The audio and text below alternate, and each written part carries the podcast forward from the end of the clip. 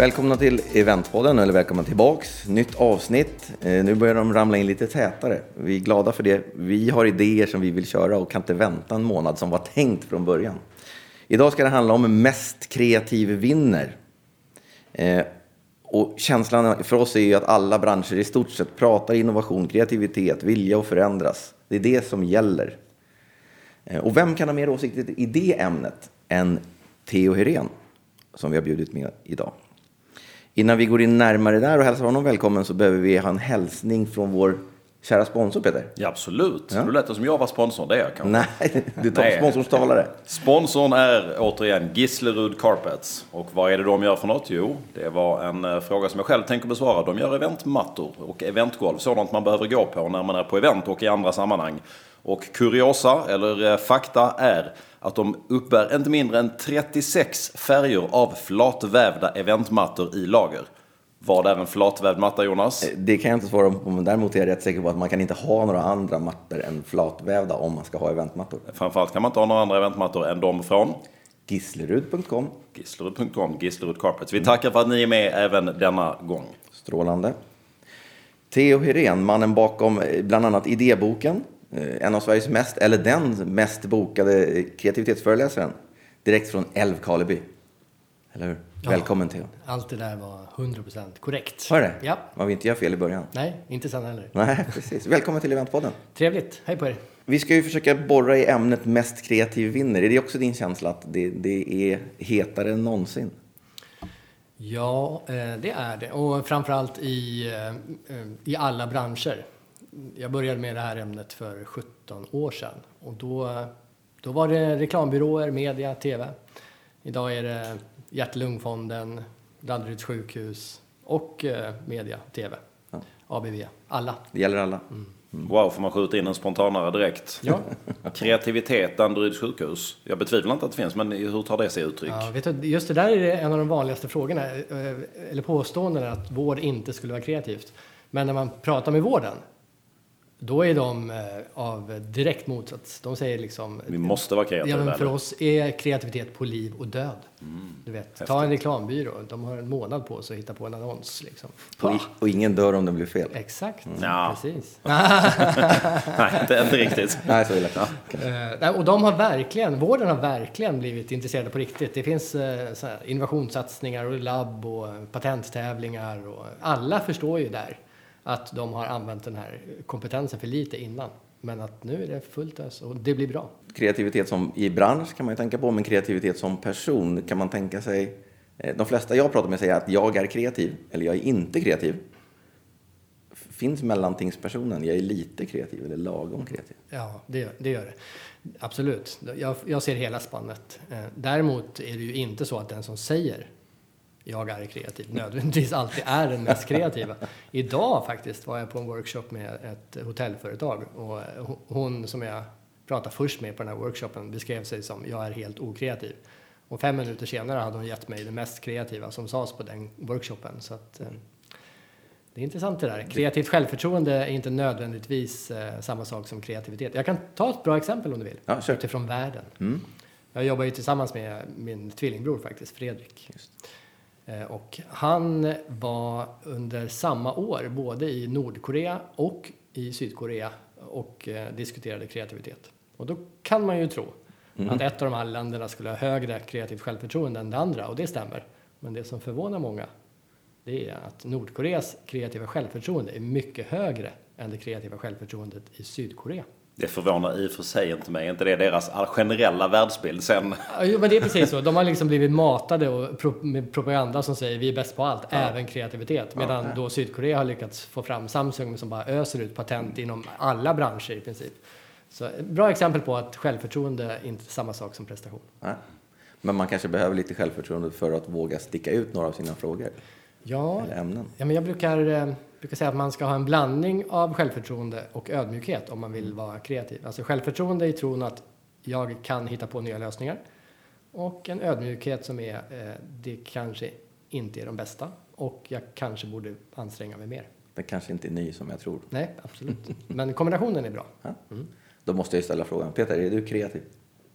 Då ska jag ju svara något i stil med att eh, det är absolut, men jag kanske inte hittar på de bästa lösningarna. Jag kanske inte är så kreativ som jag borde vara, eller vad var det? Eh, ja, alltså man får ju vara lite försiktig här, givet sällskapet här inne i studion idag. Eh, jag tror att jag är eh, kreativ i min profession när det kommer till eh, att hitta lösningar eh, utanför det oväntade kanske i, i den branschen jag verkar. Sen som person i övrigt så är jag nog full, nej det, det, det ska man ju inte säga, men jag kanske är en medelmåtta, överdrivet sett då, i, i resten av, av tillvaron. Så att eh, man kan väl kanske, jag vet inte, kan man vara kreativ inom givna områden? Det måste man väl kunna vara rimligtvis. Ja, absolut, absolut. Det verkar ju kaxigt att vara kreativ inom alla områden. Det är jävla... Ja, jag tänker konstnärssjälar är i alla fall kreativa rent generellt sådär. Det, det vill jag inte påstå att jag är, men när det kommer till jobbet tror jag att jag klarar av det kanske. Nej, men det, jag tycker det, du lyfter fram en bra poäng här. Eh, Jag har en, eh, en tvillingbror ju som då är väldigt intresserad av affärsutveckling, precis som jag. Sen har jag en lillebror som är helt ointresserad av affärsutveckling, men som är fantastisk på musik. Alltså han kan improvisera till vilken låt som helst, om man bara hör den på radion. Alltså det är två helt olika kreativiteter, medan jag och min tvillingbror inte kan spela musik överhuvudtaget, än mindre improvisera, som ju är steg två. Eh, Min fru är ett annat bra exempel. Eh, Hon är fantastisk på att vara kreativ i köket, alltså öppna ett kylskåp och säga vi kan göra det här eller det här eller det här. Jag tittar på samma kylskåp och säger vi har ingenting vi kan äta. Vi måste och handla. Så att eh, frågan är väldigt relevant tycker jag. Och det pratas alldeles för lite om de här andra eh, nyanserna av kreativitet tycker jag. Och det pratas mycket om en viss sort. Så att eh, det, alla skulle tjäna på att vi lyfter fram de här olika nyanserna av kreativitet. För det, det, det är den generella kreativiteten som måste upp. Det, det kan man säga att det, det finns väl ingen dålig kreativitet? Det där kan man diskutera. Jag hamnade i en diskussion med någon om att eh, depression på ett sätt är, kan vara, inte all, men kan vara eh, dålig kreativitet. Alltså om man använder sin kreativitet för att måla upp en verklighet, en negativ verklighet som inte finns, då kan man ju säga att det är negativ kreativitet. Ja, just. Den hade jag nog inte funderat på. Nej. Eh, Ett kul ämne att komma in på. Ja, det precis. Vi, vi, hopp, vi går inte djupare. Vi går det. Eh, Peter har svarat på sin kreativitetsnivå. Vad, hur beskriver du dig själv? Tänker du att du är du kreativ i, Inte i köket. inte i köket? Nej, Men- jag beskriver mig eh, absolut som väldigt kreativ. Jag Mm. ser mig som kreativ. Yes. Högt kreativt självförtroende och även hög grad av kreativitet skulle jag säga. Ja. Men också väldigt ödmjuk. Ju, alltså, ju mer man är ute i världen och pratar kreativitet, ju mer ödmjuk blir man av alla olika sorters eh, nivå och aspekt på kreativitet. Så att Mm. Vart jag än kommer så möter jag mer kreativa människor än vad jag är. Och vart jag än kommer så är jag fortfarande stolt över den kreativitet jag har. Men jag har ju två patent till exempel. Inom, Ja, inom en på en tv och ett på ett eh, sällskapsspel kan man säga. Jag har visserligen förlorat pengar på, Okej. på båda patenten, men jag har ju åtminstone två gånger tänkt något som ingen hade tänkt tidigare. jag tänkte säga, bara att få patentet är väl det som är kanske steg ett. Ja, det är steg ett. Kreativiteten. Ja. Men vad är, vad är liksom den korta hisspitchen på tvn, på en tv? Ja, Alltså den är briljant. Vad är det Låt då? mig säga så. Den Ja. är briljant. Den, den kom 2000. Man måste tänka tillbaka 2000 för att förstå hur Det var så här, en den platt var. tv tänkte du då? Nej, men jag, jag, kort bara. eh, All tv-sändning är väldigt styrd med lagar och regler på vad man får, hur man får och inte får sända reklam i tv-sändningen. Så då gjorde jag, fick jag patent på en tv som, eh, där eh, man tog emot tv-programmet i den vanliga tvn, men man tog emot reklamen via GSM-nätet. Och då kunde man ju skicka hur mycket reklam som helst och när som helst och till vilken tv som helst. Så kunde man då titta på Aktuellt och så kunde man ha ett McDon- McDonalds M uppe i vänstra hörnet på den här tvn eh, och visa reklam under hela programmet och i alla kanaler. Och du kunde framförallt skicka otroligt styrd reklam. Ja, men hela grejen var ju att du kunde, vi visste precis vem du var. Och affärsmodellen var för övrigt att man fick en platt sån här tv eh, i, gratis mot att man tog emot lite mer reklam än vem man fick i sändningen. Så det var jättebra. Det låter sådär. Hur var det möjligt att förlora pengar på det? Varför är du inte miljardär? Jag kan berätta det, det är mitt största misstag jag har gjort. Ja. Ja. för det är faktiskt så att man hade kunnat vara miljardär på den idén. Men så satt jag på ett... eh, det här är faktiskt rätt kul. I efterhand. Bygger du jag upp till det i alla fall. Ja, men det, är, det är i efterhand. Just. Jag sitter på ett möte runt ett sånt här bord med riskkapitalister som älskade det, jurister som älskade det och marknadsförare som älskade det. Och så satt vi 2000 och så råkade jag säga så här. Men vi måste sno oss på, för bara om några år tittar ju alla på tvn i sin dator och inte i en vanlig sån här tv. Och då är hela den här idén död. Och då säger alla, tror du att det går så fort? Ja, det är jag helt säker på. att säga. Ja, nej, då hinner vi inte, då lägger vi ner projektet. Aj, aj, aj, aj, aj, aj, aj. Och det här är 17 år sedan och nu börjar vi närma oss den Ja. tid som jag trodde skulle komma mycket snabbare. Så att, eh, det var ett litet misstag. Jag tappade Nej. några miljoner där, men jag är inte bitter. Nej, Nej, det ska det inte vara. Men du, jag, jag, jag, jag som gillar sådana kreativiteter trots allt. Sällskapsspelet då? Men det, den är roligare faktiskt. Det var ett, eh, ungefär som paint, om du tänker dig paintball. Men, eh, Men hemma bredvid varandra i soffan, det låter inte alls kul. Snarare på en gräsmatta. Ni hade älskat det som event. Eh, eh, Man tog på sig riddarkläder, en hockeyutrustning i princip, fast man såg ut som en riddare.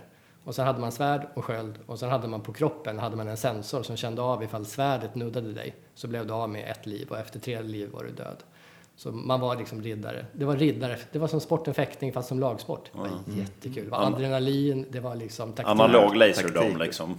Ja, men precis, verkligen. Och det var hur kul. Och det roliga var att eh, eh, tjejer var ofta mycket bättre än killar. För många killar sprang bara rakt fram och skulle liksom mergea. Tjejerna förstod att det här var en teamsport så att de liksom kom från ryggen och bara Kö! Och var, varför gick inte det? Det låter också jättebra. Det var jättebra, men jag var, jag var för eh, ung och oerfaren så jag la pengarna på fel sak. Ja. Och sen hittade vi ju på eh, Interesting där, kreativitetsbolaget. Och Det var ännu roligare än riddarspel så att det fick ligga i träda. Men det borde gå att damma av det där riddarspelet igen ju. Ja, vem vet. Jag såg något Kickstarter-projekt förra året på någon som gjorde något liknande i Nya Zeeland så det kanske är sent nu. Men det finns andra projekt. Kan, kan jag som ska vara ordningsmannen i det här eventpodden nu. Ordningsman på ett kreativitetspass. Ja, då fel? kommer vi till, till det som vi borde ha öppnat med. Hej Theo, kan inte du berätta lite grann vem du är? Där börjar vi. Världens längsta intro. Ja. Ja. ja, men jag älskar att om den här introduktionen blir lite olika mot de andra så är det ett bra tecken Absolut. på vad kreativitet är. Jo, ehm, jag, jag är en man som älskar eh, kreativitet och jag har jobbat med det som yrke i 17 år. Jag har funderat på hur i hela friden funkar det? Hur blir man bättre på det? Vad hindrar dig? Vilka verktyg finns det? Alltså hur inspirerar man människor? Alla de bitarna har jag jobbat med i 17 år. Med utbildningar, workshops och böcker i 26 länder och alla branscher. Vad är man då? Vad, vad, vad, kreativitetsitör? Vad blir man då liksom? Vet du vad, jag fick en titel eh, förra månaden som eh, var kreativitetsvetare. Och den tog jag till mig. Ja. Den, den Det låter som 2000 poäng på universitetet. Ja, precis. Men det är bara, det är bara 1500 konferenser i, under 17 år. Men jag har läst, alltså jag har läst säkert 100 böcker om hur man blir mer kreativ. Så att visst finns det poäng. Då måste du sen lite senare få rekommendera dina tre bästa av dem. Ja, det kan jag göra. Och jag, idéboken, är den egen? Det är den Berätta. jag skulle det var den bästa. Ja, men, och det är den bästa jag har läst. Ja, det- Jag tänker att alla har läst den. Peter? Nej, Fan. alla utom jag. Ja, men det, ja, det, var en, det var vår första och eh, den har varit väldigt framgångsrik. Den har översatts till eh, jag tror det är 18 språk nu. Ligger på topp 10-listan över mest sålda managementböcker i Sverige. 200 000 ex. Och har legat ganska länge högt upp va? Ja, faktiskt. Säljer fortfarande hyfsat. man Vad står det på baksidan? Vad handlar den om? Idéer. Ja, den, det roliga med den är att halva boken eh, handlar om verktyg och inspiration. Och den andra halvan är tomma blad där du själv får skriva ner dina reflektioner. Jag har en kul anekdot. På, vi sålde det till Island och då sålde vi 3000 ex på tre månader. Vilket är lite kul eh, eftersom det är en procent av Islands befolkning. Och det bara finns en bok som har sålt fler ex snabbare och det är Harry Potter. Oj. Det är bra. Det är kul. Det är bra. Men nu eh, sen, eh, sen eh, nyår så driver jag en, eller Sveriges enda kursgård som är dedikerad till kreativitetsutveckling. Alltså man kan inte boka konferens där om man inte vill göra det för att utveckla sin kreativitet. Men det där vill jag ju borra djupare. Det där är ju spännande. Ja, det är det. Hur, hur ser det filtret ut? Försöker folk då bara, ah, men er kurser det är nice, men vi vill ju dit och köra powerpoint-VM och redovisa siffror. Vi vi säger att det är kreativt. Vet du vad, om någon körde det racet, då skulle, precis som du Det är säger, det är kreativt. de är välkomna. Alltså. Men vadå, då, då köper man en helhet där ni är med liksom och coachar, utbildar, föreläser.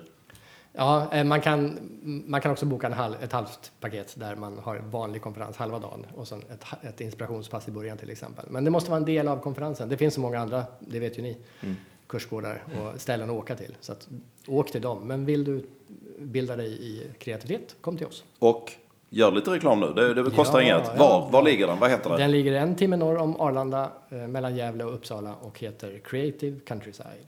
Och creativecountryside.com Eh, .se. .se. Bra, då vet vi var vi ska in och titta. Tackar. Välkommen. Då får du berätta om ön också, eller öarna. Ja, eh, det är Fredrik. Jag är ju tvillingbror med en genetisk Du är kopia. tvillingbror med en bror. Det är ju Sen fantastiskt. födseln, ja. Eh, och vi är rätt lika. eh, Och han jobbar med samma sak som jag gör fast han bor i Singapore.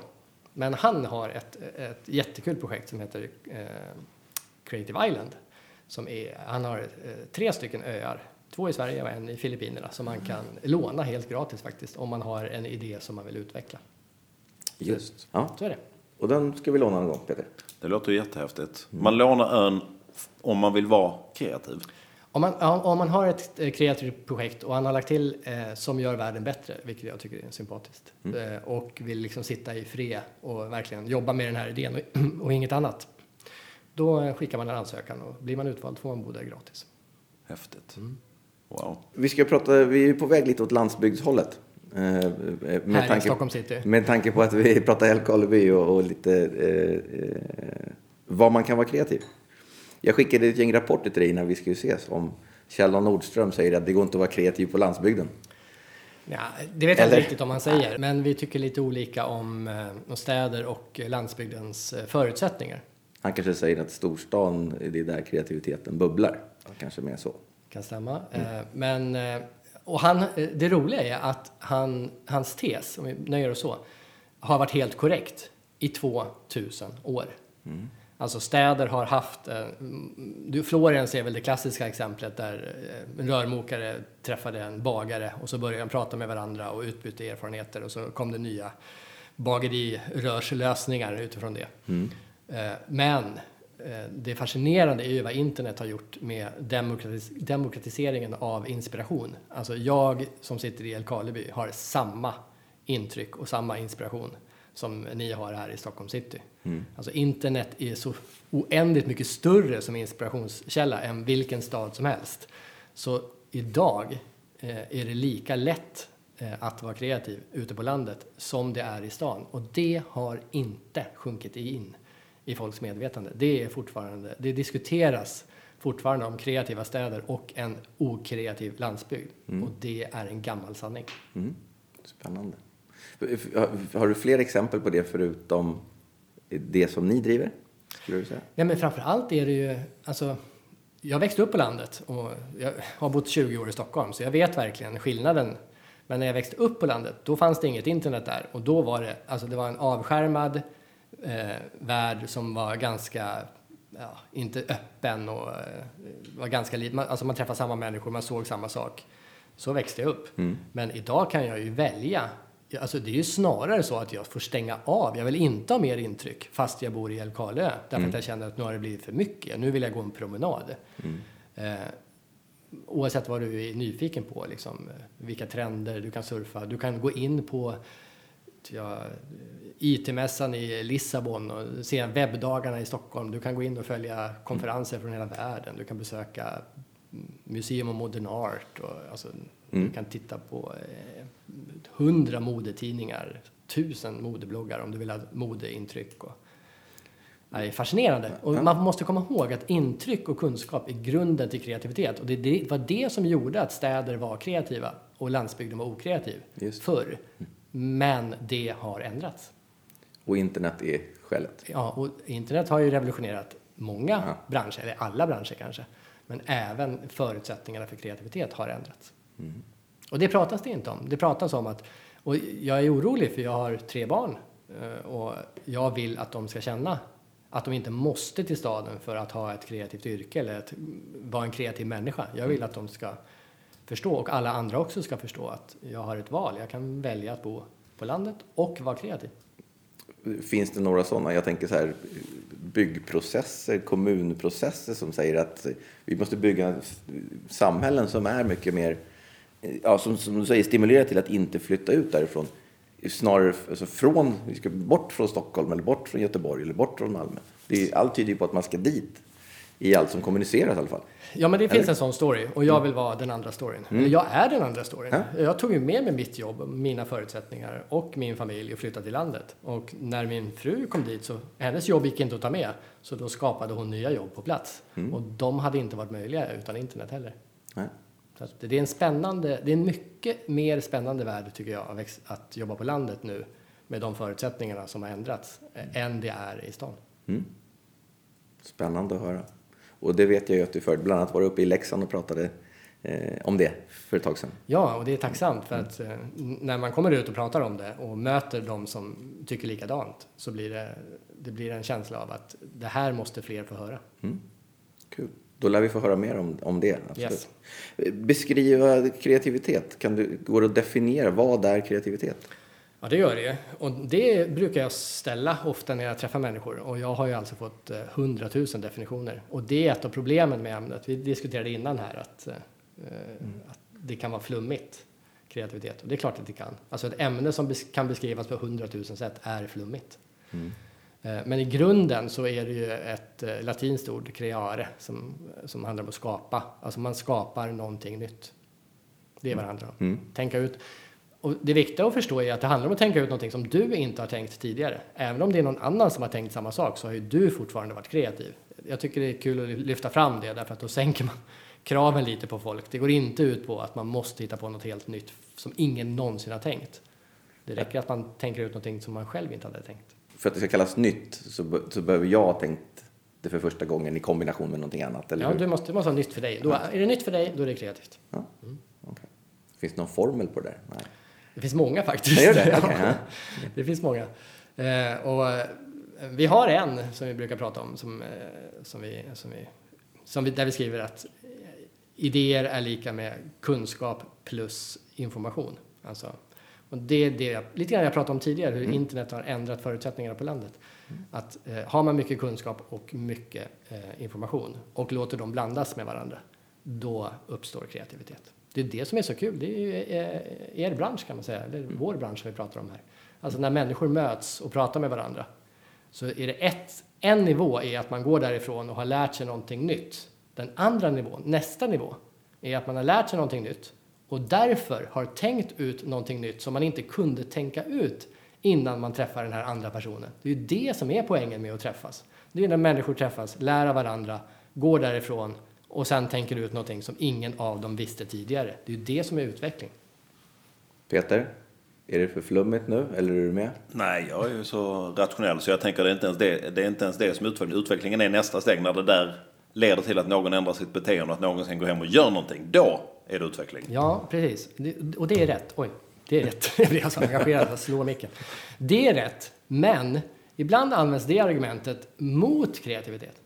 Att man säger så här, det viktiga är eh, vad som blir verkstad och vad som blir av och vad man gör av idéerna.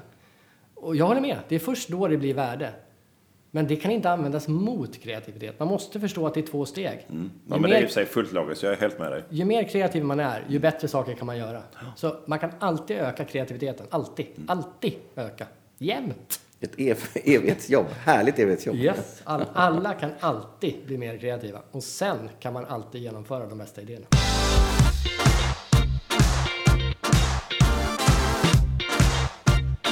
Tydligen heter det här fortfarande veckans blooper. Jag har vänt mig mot det tidigare, för det är ju inte bloopers, det är bara roliga stories. Pratade med kollegor om gamla sköna klassiska händelser hos oss och tänkte att jag skulle dela en, eh, en eh, story från vårt dåvarande Malmökontor. En eh, dåvarande kollega som heter Jesper. Det här är ett tag sedan, det är kanske tio år sedan, när han tycker att jag ska minsann kontakta alla företag i Malmöområdet och kolla vem som gör julfester. I december är alla eventbyråers utmaningar att då görs det i princip inga konferenser och kundaktiviteter för alla är upptagna med annat. Men då tycker han, då bränner vi av ett gäng julfester så vi kan få in lite pengar på kontot. Bra, han sätter sig och ringer runt för att prata med olika företag om julfester. Då ringer han till biltillverkaren Honda och följande eh, dialog utspelar sig i telefon. Eh, Honda god middag. Eller det, det här är ju på riktig skånska, nu ska jag sluta Kör, bort kör nu. det. Honda god middag. Ja, hej, säger Jasper. Jag söker den som har hand om julfesten. Julfesten? Ja, då är det reservdelar du ska tala med. Ja, ni får låta den sjunka in, är ni med? Den är ju genial, man måste bara ha lite distans till den. tycker att den är fruktansvärt rolig. Julfesten, ja då är det reservdelar du ska ta med. Jag skulle vilja vädja här samtidigt. Jag vet att det är många av våra eh, branschkollegor som, som, eh, som lyssnar på den här podden. Det är roligt. Det måste ju hända så mycket sådana här sköna stories hos alla, alla byråer. Skicka oss era skönaste stories. Antingen i de digitala eller sociala kanalerna eller så släng iväg ett mail eller ett samtal så kör vi upp era stories här. Vi behöver hjälp eh, för att hitta alla de här gamla klassiska storiesarna. Så in med dem bara så vi kan fortsätta med den här fantastiska programpunkten Veckans blooper. Tack Peter. Jag låter den sjunka in.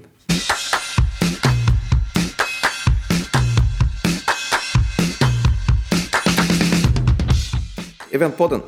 Den ska ju vända sig till alla oss som jobbar inom event, oavsett på om det är köpar, säljarsidan, eh, talare eller, eller studenter. Eh, underleverantörer, studenter. Eh, vi fortsätter prata med Theo Herén om Mest kreativ vinner. Eh, och då tänker vi att vi var lite inne på spåret reklambyråerna och, och eventbyråer. Levande möten kontra budskap i skrivet och text och sådär. Är vi duktiga på eventbranschen på, på, på att vara kreativa, skulle du säga?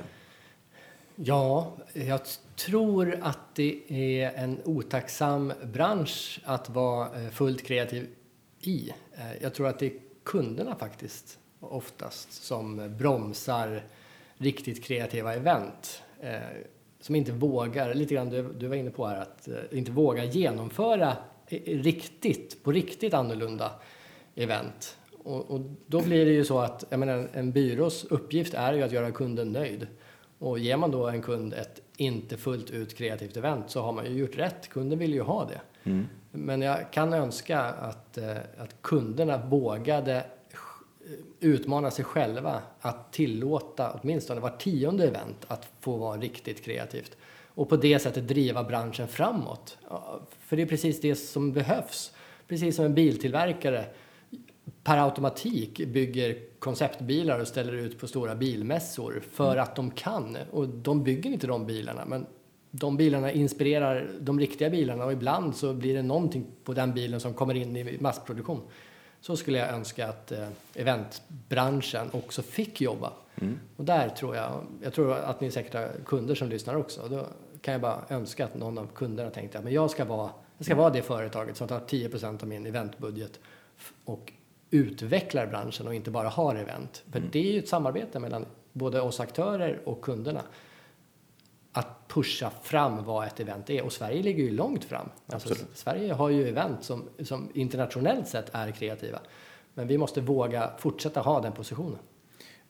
Och jag tänker att de, det kanske är så att vi är kreativa i, i första samtalen, andra samtalen, men sen när det ska upp och bli verklighet utav så backar vi på ganska många. Så kreativa delen kanske fortfarande finns, men det kommer inte ända ut.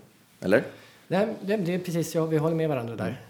Och inte minst nu när alltså, så mycket eh, av eh, mänsklig kontakt och eh, arbetsliv sker digitalt så är det, det är ett bra tillfälle att utmana. Vad ska det mänskliga mötet vara och när är det som bäst?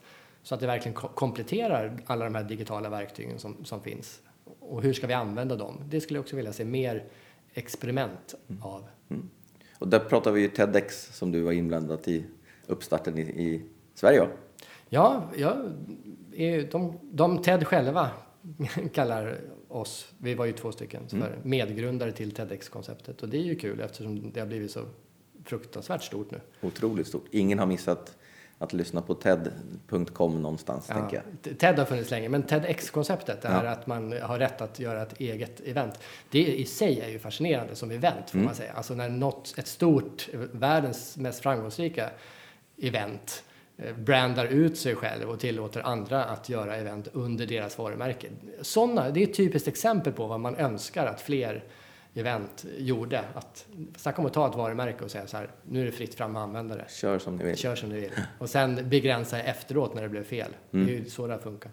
Aha, okay, ja. Eh, modigt. Och det, fler sådana exempel, och gärna från Sverige. Det skulle vi, vi skulle få ett ännu starkare internationellt varumärke om vi vågade. Har det blivit mycket fel eller har folk varit så extremt måna om att det ska bli rätt så det har blivit, blivit rätt? jättemycket fel. Ja, det, mm. mm. det har blivit jättemycket fel. Men de har varit väldigt, Ted har varit väldigt bra på att rätta till det i efterhand. Alltså kör Och när det blir fel, då lägger vi till en regel. Nu är det ganska mycket regler får man säga, men det har behövts. Men de började inte så, utan det har fått eh, mejslas fram av väldigt generösa och, och proffsiga människor och så ett fåtal som har missbrukat det. Och, och kreativitet handlar väl om att våga misslyckas lite grann också. Så det är väl en, en Kreat- faktor. Alltså kreativitet handlar om att tänka ut saker, så handlar det varken om att lyckas eller misslyckas. Det handlar om att tänka ut nya saker. Sen handlar det i nästa steg, som vi var inne på, det här genomförandet. Där handlar det om att våga misslyckas. Om vi pratar om eh, hårt och mjukt värde då, skulle man, vad, vad säger vi där? Affärsnyttan, eh, eh, går, det att sätta, går det att sätta hårda parametrar eller vill Ja, man inte? vänd på den, eller hur? Vänd på den. Så vad är affärsnyttan av att eh, sluta utvecklas? liksom? Det är klart att det finns en affärs... I en värld som förändras så finns det en affärsnytta i att förändras med den. Det är ju helt uppenbart. Alltså att ens diskutera den frågan blir ju på ett sätt liksom fånigt. Mm, Det är ja. klart att det finns en affärsnytta. Sen så är det, eh, det, det svåra med affärsnyttan när det gäller kreativitet. Jag kan ta ett exempel kanske. Mm. Alltså, tänk dig att du sitter på Ericsson när de hittar på sms någon gång för vadå, 25 år sedan och säger vad är affärsnyttan av den här idén? När de inte ens vet vad de ska ha det till. Det kommer en, ett användningsområde, kommer du ihåg det? Man fick ett eh, sms när man hade en Eurovoice. Liksom, du har ett telefonmeddelande. Åh, bra funktion. Och sen, så var det ju tre år eller någonting innan det kom nästa tjänst. Den nyttan var ju noll. Mm. Men idag, alltså vad är affärsnyttan på sms idag, så här 25-30 år senare eller vad det är? Den är ju magisk. Allt från eh, liksom, miljarder i betalningar och allt från deklaration till mobilfestival eller melodifestival till livsavgörande liksom, eh, ambulanstjänster och allt vad det är. Sjukt värde. Alltså, och då är frågan, när ska man bedöma, när ska man räkna hem kreativiteten som ledde fram till sms? Är det ett år senare, eller är det idag, eller är det om tio år? Alltså när ska man räkna hem det? Det är svårt. Så kör bara kör. Jag enkelt. brukar argumentera, ta 10% av din budget och lägg den på kreativitet och innovation och säg att den ska vara statisk och sen se vad det leder till. Så har ni 90% som är, vi gör vad vi brukar göra. Mm. Varför inte? Kanske funkar det jättebra just i eventbranschen för övrigt. Ja. Alltså om eventbranschen tog 10% av sin budget på varje koncept och vågade pröva något nytt så skulle ju eventen till 90% kännas likadana. Men det skulle ändå vara den bransch som drev förändring starkast om de tog 10% av budgeten till eh, nytänkande projekt. I en bransch där man faktiskt som besökare ofta uppmuntrar det som sticker ut och är lite annorlunda. Det är ofta det du kommer ihåg. Mm. Jag var på ett hotell eh, idag ju, på konferens och där hade de hängt alla kaffekoppar på väggen istället för att ställa dem på bordet. Jag hade aldrig sett det förut. Det är det enda jag kommer ihåg från det stället. Det var att kaffekopparna hängde på väggen. Då, var jag, då var jag där i lördags, Ja. Såstaholm.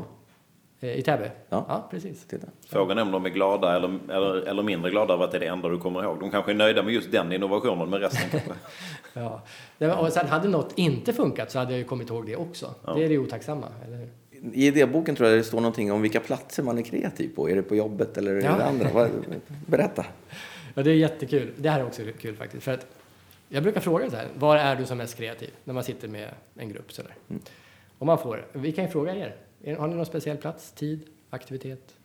Eh, Jag skulle säga på väg mellan. På väg ställen. mellan ställen? Ja. Mm. Ja, Jag på, på samma ställe, när jag någon gång masar mig ner på ett löpband Ah, på gymmet, yes. då är det så ofta. Jag har börjat ta med mig mobilen för att kunna skriva upp idéer när jag kommer på där. ja, klokt. Någonstans är det där det kommer. Japp. Vart kommer det för dig? I badet faktiskt. Badet? Mm. Men jag har tagit konsekvenserna av det. Så jag har två jobbbadkar. Ett, ett inne, på riktigt. Ett inne och ett ute. Så sent som i morse så satt jag i utebadkaret och löste ett problem som jag har funderat på. Okej. Eh, Men, och det här är, tycker jag är fascinerande, om man sitter med människor och pratar om det här så får man allt från löpbandet till eh, i tåget, till bilen, till duschen, till badet, till sängen. Alltså, eller sådär. Det är aldrig någon som säger på jobbet, Nej. eller på min arbetsplats, eller vid mitt skrivbord. Ja, en gång var det en kille som sa det, på min arbetsplats. Menar du allvar? Så jag. Nej för fan, jag bara skämtar. Men det roliga är ju att jag är helt säker, för pratar man med arkitekter idag, Mm då eh, är det en av deras viktigaste saker som de tänker på. Alltså hur kan vi designa eh, arbetsplatser som gör att människor är som mest kreativa på sin arbetsplats eh, och inte på löpbandet, om det nu inte är på jobbet. Och jag är helt säker Alltså, om man tittar på den här tiden om 50 år, Mm. då kommer man ju säga att det var den där tiden när alla yrken skulle vara kreativa och ingen var som mest kreativ på jobbet. Kommer ni ihåg den tiden? Det var ju helt absurt. och därför att man kommer att forska fram eh, och kommer att designa arbetsplatser som gör att när du kliver in där så kommer du känna wow, det är här jag får idéerna, för det är där det är mest värdefullt. Alltså det är där företag, stora företag, små företag ska investera. För alla förstår värdet i att du får dina mest kreativa eh, idéer Eh, på jobbet och inte när du ska sova till exempel. Om det inte är så att du har betalt en halvtimme varje natt innan du ska somna. För annars leder det till att du bränner ut dig därför att du känner att du jobbar 40 timmar på veckan och sen känner du att du jobbar på löpandet och sen känner du att du jobbar på när du ska sova och sen känner du när du jobbar mitt i natten och har löst ett problem. Och då jobbar du för mycket och då blir du sjuk. Medans om du är en person som får dina absolut mest briljanta idéer på löpbandet så eventuellt faktiskt kanske du skulle ha en halvtimmes löptid eh, för att det, eh, du ändå skulle ha jobbat klart på fredag eh, klockan fem. Ja, precis. Men, Men när, det- när själva lösningen kommer vet man ju inte. Om den kommer precis när jag ska somna. Nej, men, ja, men, pr- Processen argument- ligger där och bubblar. Ja, men argumentet är ju att man kan designa så att den processen även sker på arbetet. Ja. Och det har vi inte gjort än. Det är väldigt få som har arbetsplatser och arbetsinstruktioner som är designade för reflektion. Mm. Och därför kommer idéerna när, det, när du känner att du egentligen vill vara ledig. Och poängen är den här, och det är det viktiga.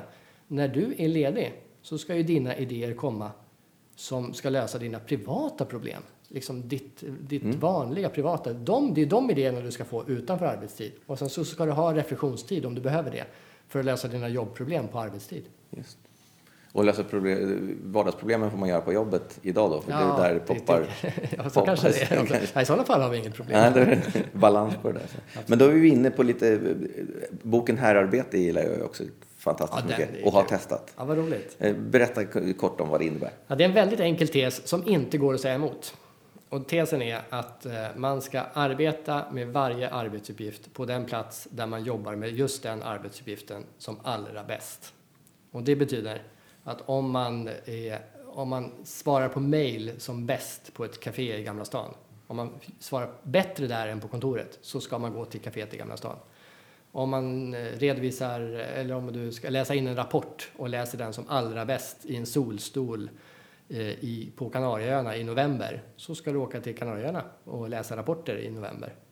Jag har ett jättebra exempel. Om jag har tråkiga, eh, riktigt så här, alltså jobbiga eh, arbetsuppgifter, där jag verkligen känner att det här är twist, nu har jag inte så många, men man har en twist liksom, det här måste lösas. Då sätter jag mig på Arlanda. Om jag ska flyga till Arlanda så har jag sparat jobbiga arbetsuppgifter i en egen mapp. Och sen så sitter jag, och då sitter jag utanför Meet and Greet där i Terminal 5. Du vet, när det kommer ut här svenska soldater som har varit i Afghanistan i, i tre år och får träffa sitt barn för första gången. Så en gång per kvart kommer det fram någon sån här pensionär som har varit ett halvår i Florida och träffar sina barnbarn och så här. Då sitter man och jobbar med jättetråkiga arbetsuppgifter. Och så plötsligt bara Åh, Lasse! Så kommer, liksom, kommer Lasse och Lisa och träffar varandra och kramas och de bölar. Så kollar man upp och så bara, ah, livet, kärlek, liksom bara energi. Och sen går de därifrån och då jobbar jag vidare med de där skittråkiga arbetsuppgifterna. Och sen en kvart senare bara, ah, Lisa! så sitter man där och så bara, ah, visst ja, livet är värt att leva. Liksom, skit i det, nu löser vi det här och så går vi vidare. Alltså, det är härarbete i sin essens. Alltså sitta på den bästa möjliga platsen för att lösa riktigt svåra problem. Men den platsen är ju värdelös att föra samtal med kunder på. För varje, en gång i kvarten blir man ju störd av Lisa och Pelle som, som ska skrika hur kära de är i varandra. Men då kanske en sån här vacker, som i fredags när det var 18 grader varmt, liksom strålande sol. Då kanske den bästa arbetsplatsen är i lä i söderläge med en cappuccino och så betar man av fem timmars samtal och bara får en solbränna under tiden. Det är att förstå att du har ansvar för att alltid jobba på den bästa platsen utifrån vad du ska göra, vem du är och vilka förutsättningar du har. Vi testade ju den. Vi testade ju din tes, berättade jag ju för dig innan. Här. Mm, Ja. Det tråkigaste arbetsuppgiften när man har eventbyrå och gör rätt mycket resor, det är alla kvitton, reseräkningarna. Tog alltid tid att få in allt sånt. Så att eh, jag införde idén att en gång i månaden, eh, månaden efter den hade kommit, så syns vi på Le Rouge i Gamla stan, en trevlig liten restaurang. Jag bjuder på vin och ost vid klockan 16 eh, och så gör vi kvittorna ihop och snackar skit. Det blev strålande. Det var ingen som hade ångest för de där kvittona. De kom in fortare, vi fick in fler kvitton. Och det blev jävligt mycket fel ju senare kvällen gick. Det var ju typ en timme kvitton och sen inte så mycket fokus på dem. Det gick alldeles strålande. Tills gång sju, åtta någonstans där. Då glömde folk kvittona. Det var, det var så de bara fram emot att se. Så. Men den ändrade en, en, ett mindset. En mindset, Så det ja, absolut. absolut värt att göra. Nej, Men jag tycker det är värt att fundera på, alltså ni som lyssnar. eh, Fundera på alltså, vilka arbetsuppgifter gör du på fel plats?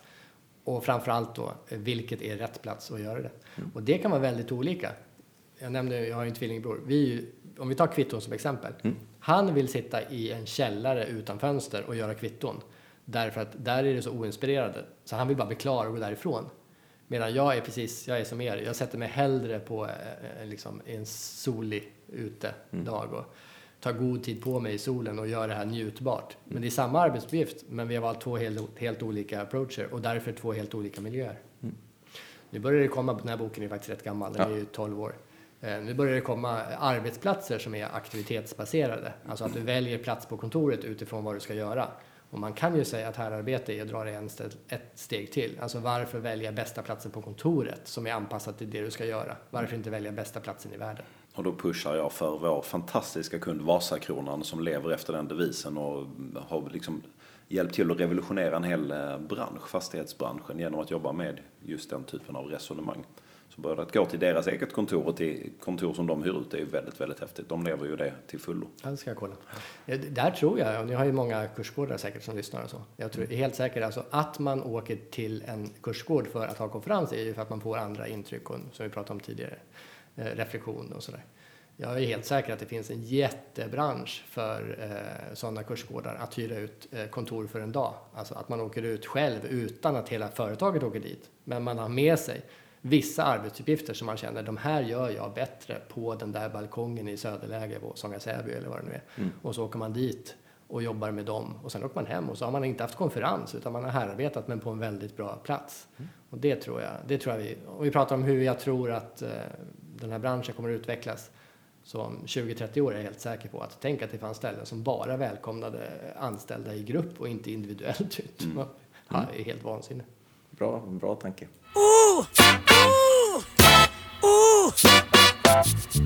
Veckans event, Peter. Vad vill du bjuda på där?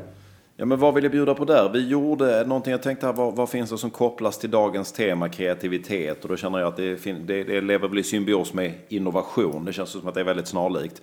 Och då gjorde vi eh, ett event som hette Innovationsdagen. Beställare här var en icke namngiven myndighet som jobbar just med innovation och att eh, förbättra förutsättningarna för innovation i samhället. Eh, och varför gjorde man det här? Ja, man vill driva innovation, så det handlar om att etablera en mötesplats för det man kallar Innovations-Sverige. Eh, vet inte om du var du med kanske Theo? Jag var inte med själv. Nej, jag känner till eventet väl, men jag var inte med. Nej. Nej, det var en kollega till mig här uppe som, som drev detta. Det, det var en del liksom så här klassiska paneldiskussioner och seminarier förvisso, men det var även filmer. Man jobbade med mycket matchmaking under lunchen när man tvångskommenderades att träffa nya människor. Jag ska inte säga att det var något tvång för att de här människorna ville ju vara innovativa. Eh, man, man, ja, man tussades ihop med folk med samma intresseområden helt enkelt. Det byggdes något som hette Samverkanstorget där det fanns ytor för att diskutera och det fanns möblemang som var eh, väl eh, anpassade för att skapa just liksom nya kontaktytor och nya konstellationer. Och då fortsatte man att prata om frågor man eh, brann för. Och det delades ut pris till det är förra årets största innovationstalang och det var studenter som hade jobbat i framkant inom innovation och så vidare. Så att man kan säga att det här var ett forum som, som tryckte på innovation, kreativitet. I mätningen efteråt så kunde man bland annat se att 90% av alla som var där hade fått nya nätverkskontakter inom det här då, innovationsområdet.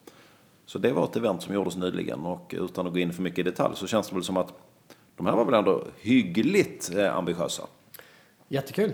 Eh, Något event som du har deltagit i eller varit del av som du skulle säga, det här, det här är topp, toppnivå? Eh, topp, toppnivå. Ja. När det gäller kreativitet, eller? Ja. ehm, jag tycker det jag, det- som jag pratade om tidigare, jag tycker det är kul när folk vågar göra annorlunda. Jag var i, nu råkade det här vara i Nigeria, men var i Nigeria, då hade de lagt hela konferensen på de, i, på sandstranden. Så de, gick- de gick omkring i badkläder och shorts och liksom parasoll. Men även föreläsningslokal och så var liksom på stranden. Och det, det var unikt för dem. Det var inte så att de alltid... Det var ett oljebolag eller ett, ett stort affärskonglomerat. Så det tyckte jag var kul. Ehm, Det vågar man inte göra i Sverige va? Jo, det vågar man. Vågar man? Vädermässigt menar du? Ja, jag tänkte bara vädermässigt. Ja, men det sagt, vi har ett, på vår, på vår kursgård då faktiskt, har vi ett uterum eh, där vi sätter oss om det är vackert väder. För svenskar är ju sådana, är det vackert väder, och maj framförallt, in, när det varit ett halvår sedan sist, eh, de tänker ju inte på något annat än jag vill ut i solen och sen så fort det blir paus så springer alla ut. Så att är det vackert väder så då tar vi ut hela konferensen och sätter dem på det här däcket istället. Och det måste jag säga att det är oftast det som de pratar mest om. Säkert. Jag såg mer framför mig ett sånt här, du vet, 800 personers konferens man har planerat ett år. Vi kör ute, det regnar nog inte. Det är inte lika flexibelt kanske. Vi har ju ett ordspråk för det där. Det finns inget dåliga väder. Va? Nej, men faktiskt. Jag tror att, jag tror, det är en annan sån sak som jag väntar på, att det kommer en kursgård som inte har som inte har lokaler, alltså som är ren och skär, att vi kör ute och så är det en poäng att det är storm och blåst och så säger man, så kollar man vad det leder till. Jag tror ju att det leder till andra tankar än om man sitter inne när det är storm och blåst. Inte nödvändigtvis bättre, men kanske något av de här 10 procenten vi snackade om tidigare. Det finns ju ur och skur för ungar som Ja. får vara ute dygnet runt. Varför ska inte vi kunna ha en konferens? Eh, då tänker vi ska stänga lite, men vi ska be dig. Först vill vi veta vilka de där böckerna var. Vilka, vilka är de som du rekommenderar oss att titta i? Ja, eh, alltså Edward de Bono började med det här på 60-talet och eh, några av de böckerna som han, eh, han har ett ganska brett bibliotek, de är ju biblar och de kan man fortfarande rekommendera. Det tycker jag är kul. Det säger någonting om kvaliteten när det kan leva så länge. Verkligen. Sen tycker jag Richard Florida som eh, skrivit böcker som Rise of the Creative Class och så, eh, som pratar om det enda problemet med hans böcker är att han beskriver vissa branscher som kreativa och, och, därmed vissa andra som okreativa. Där kan jag tycka olika mot honom. Mm. Men eh, jag gillar hans anslag att faktiskt liksom titta på kreativitet och faktiskt försöka mäta det. Eh, det är intressant. Och för övrigt har ju han då rankat Sverige som ett av de bästa länderna att vara kreativ i. Och då kan det vara kul med just den här podden då, som ju ändå går ut på att man ska samlas och bli mer, ännu mer kreativ Ja. eh, än vad man brukar vara. Då, om vi nu är i en bransch där man tar världens bästa land att vara kreativ i och sen har som arbetsuppgift att se till att människor i det landet möts och blir ännu mer kreativa så har man ju verkligen, förs- förstår man att då är man världsledande, då, då kanske man tar branschen på ännu mer allvar faktiskt. Ja, det skulle vi göra. Gärna se. Sen tycker jag Daniel Pink är, är, rolig. Han har ju för övrigt ett väldigt bra TED-talk som handlar om hur man inte ska belöna människor för att de ska bli mer kreativa. Alltså man ska inte säga eh, om du löser den här uppgiften på ett kreativt sätt får du tusen dollar. Utan man ska säga lös den här uppgiften på ett kreativt sätt. Och sen så vill människan det. Alltså man blir stressad och sämre om man kopplar på en, en pengabelöning. Däremot ska man ge uppmärk uppmärksamhet, kramar och kärlek, brukar jag säga. Men man ska inte belöna med pengar. De där pengarna ska man istället dela, smeta ut på alla anställda och säga ni har betalt för att vara kreativa. Men, eh, så man ska inte ta bort den där tusen dollar, men man ska inte ge dem som belöning. Jättebra TED-talk. Daniel Pink. Daniel Pink. Mm, Drive heter ju hans eh, senaste, tror jag i alla fall, en av hans senaste böcker som är också jättebra, som handlar just om motivation även kring kreativitet. Sen skulle jag lägga till att idag är det ju faktiskt så att det är inte nödvändigtvis böcker som man eh, behöver. Utan jag brukar uppmuntra bara ut på nätet och, och googla på, alltså det finns lysande bloggar och jättefina inspirationsfilmer på, på Youtube och så. Alltså, creativity inspiration, googla på det lite och bli lite inspirerad där ute, det är fantastiskt. Bra sluttips. Då vill vi tacka så mycket för en, en härlig podd. Nästan timme tror jag att vi kommer upp i. Kreativ, vara kreativa, de mest kreativa i världen i den branschen som ska vara mest kreativ. Var det så Peter? Jag sitter här och svettas. Jag blev, fick också svettningar. Vad hette ert företag sa du? Jag ja, Ja, men det är roligt. Då- Det är bra. Vi knyter tillbaka till att vi tror att vi är kreativa och duktiga i vår värld. Men det är ju ett, ett omvärldsperspektiv här som inspirerar ytterligare. ett, Stort tack. ett varmt tack för deltagandet. Tack så mycket. Och vad gör vi? Vi knuffar för... Facebook-sidan, eh, eventpodden.se såklart. LinkedIn finns vi också på. Härligt. Tack så mycket för att ni lyssnar. Tackar.